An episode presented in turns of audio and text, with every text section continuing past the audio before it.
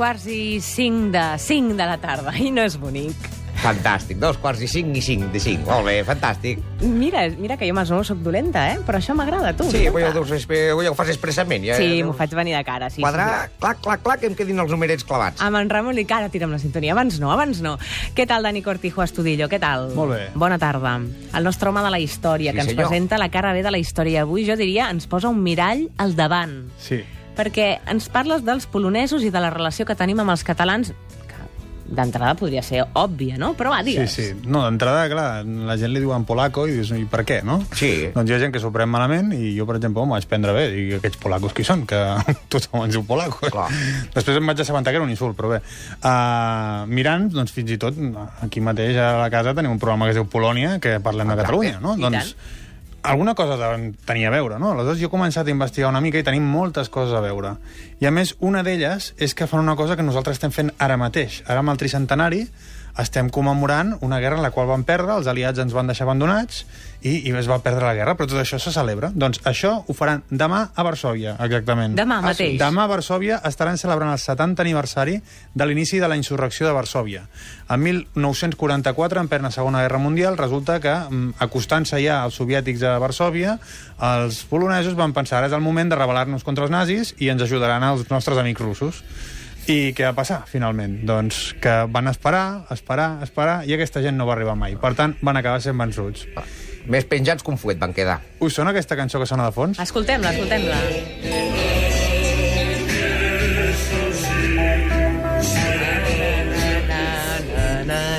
Això és l'estaca. Ah, això és l'estaca, sí. Doncs si tarareges l'estaca qualsevol polonès te la sabrà cantar en polonès. Ah, sí? Sí. Desenvolupa la idea, perquè... Això és perquè a l'època en què aquí hi havia Lluís Llach i teníem a Franco, doncs allà també eren, diguéssim, òrbita de la Unió Soviètica i van començar a intentar, amb el moviment de Solidarnos, que enderrocar aquell règim soviètic, i un dels càntics que van agafar era el mateix càntic que aquí es feia servir contra Franco, que era l'estaca. I la van traduir al polonès i és una cançó que per ells és molt normal. Però sense anar més lluny, diríem, ah, que copions, no? Eh, Se'ns han copiat una cançó que teníem nosaltres. Doncs bé, Barcelona, eh, Catalunya en general, quan s'ha revolucionat, un dels moviments més importants que ha tingut al llarg de la història, a diferència d'altres pobles, és l'anarquisme, que és un moviment que abans que altres pobles no el té tan fort. Correcte. Doncs quin era l'himne de la CNT? Ara l'escoltarem perquè la versió original és del segle XIX i és un himne mm, revolucionari polonès. Bom.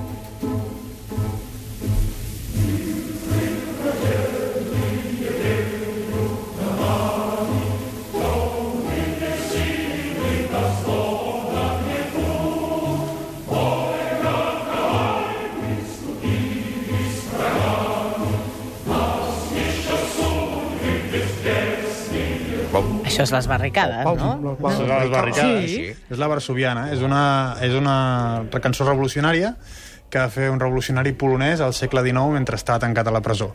I resulta que és la cançó que nosaltres ens vam copiar aquí després de la Guerra Civil com, com a himne de la CNT. O sigui que ens copiem mútuament, podríem anem a part, dir. anem a part. que Però sí, sí. ells en són conscients, els Jo polonesos, crec- d'aquestes coincidències i Jo d'aquestes... crec que fins a un punt sí que en són conscients. Perquè amb ells no eh? els diuen los catalanes. Ah, no o ho sí? sé. Potser ells els diuen nosaltres som els polonesos del nord i... Clar, i ells són els catalanes. Això, no, nosaltres polonesos del sud i ells els, els catalans del nord. Ho hem d'investigar, això, un dia. Sí, eh? Tu sí, tens, sí. em sembla, contactes directes o no? Sí, conec uns quants polonesos, sí. Ho Però hem dels de d'investigar. veritat. Com? Dels de veritat, eh? Sí, dels de veritat i dels del sud, que són els que viuen amb mi, que són els veïns, ja. Són els catalans, però bé.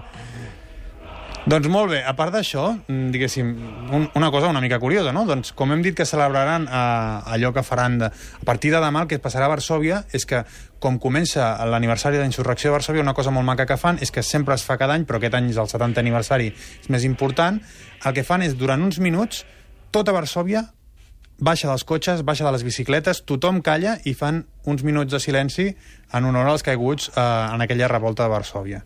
D'acord? Sí, que no deixen És de com ser... la via catalana, però, Sí, ah, però... minut de silenci, no? Sí, sí, de, de, deixa, no de ser una cosa bastant curiosa. El que sí que us dic és que des del consulat polonès i els polonesos que hi ha a Barcelona estan organitzant diferents actes. Faran xerrades al Museu d'Història de Catalunya sobre aquest tema i també al setembre es farà una recreació de la insurrecció de Varsovia. A veure com acaba això. Perquè, A veure. Una insurrecció d'aquestes, doncs, té broma.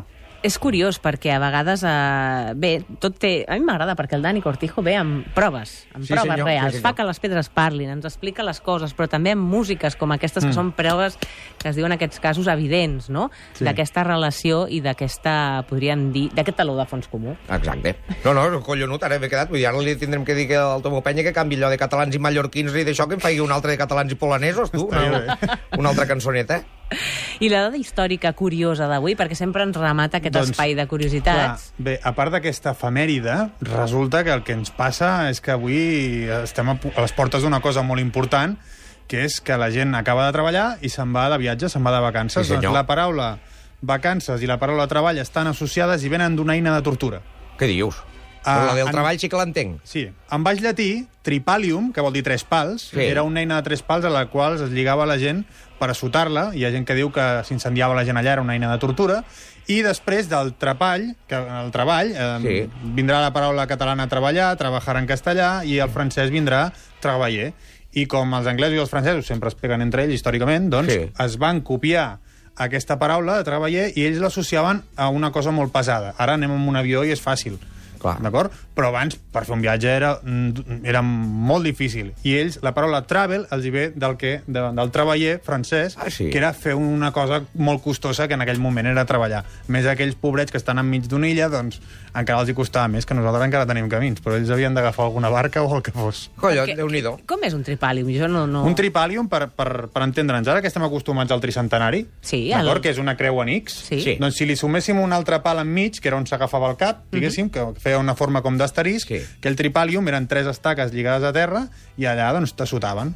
Ole. Una altra paraula de treballar és la de tot el món laboral i totes aquestes coses que, que ens venen precisament de, de la paraula laborare, que laborare vol dir llaurar. O sigui, llaurar encara s'assembla a la paraula, no? Sí. Clar. Doncs llaurar és una paraula que ve precisament de- d'això. Per tant, les relacions laborals ens venen d'una cosa, diguéssim, bastant gràfica, no? que és com abans es treballava majoritàriament al sector primari, a la terra. Allà, com aturar. Correcte. doncs ve aquesta paraula, però en canvi la paraula treballar ens ve d'una tortura. O sigui que sapiguem que ara mateix deixem de treballar durant uns dies, alguna gent, altres no, altres ens quedem aquí treballant, però altres també se'n van de viatge, i les dues coses venen de la mateixa paraula. Mireu si som originals, que amb una sola paraula, això és millor que l'esperanto. Sí, sí, jo, no, amb, amb, amb, amb lo del treball sí que ho trobo normal que vingui d'una tortura. Lo del travel, això m'ha fet gràcia, perquè que, que aquests anglesos... Home, hi ha travels, que si vas allà, si el Bueno, cunyat sí. plasta, el nen cridant, l'àrea de servei que està amb el sol a sobre, tot O ja això cada també... vegada és més còmode hauran d'anar moderns- fent-se moderns aquesta gent, eh? Perquè abans sí, home, abans tardaves, per exemple, per venir de Torà aquí, tardaves, jo me'n recordo, tardaves dues hores i mitja, tres hores, i era un tortura i fer allò al coll del Bruc. Però ara, avui en dia, ja el travel ja, ja no és tortura, ja no el Depèn, viatjar. eh? De vegades, de punt a punt de Barcelona, tardes el triple que anant d'aquí a l'altra banda de Catalunya. Agafa un taxi, agafa, També, que agafin també, un taxi és i el portaré jo més, més bé. Ell és més de bicicleta, el Dani. Sí, que bicicleta. Sí, ben bicicleta, sí, sí, sí. I Bueno, tant. eh, amb, amb aquesta calorassa, nen, ja pots vigilar, eh, que no t'agafi un cop de calor. Ah, s'ha de perquè, vigilar, noi, s'ha Ho he fotut una xafogó terrible. Terrible per anar amb bici. I tant.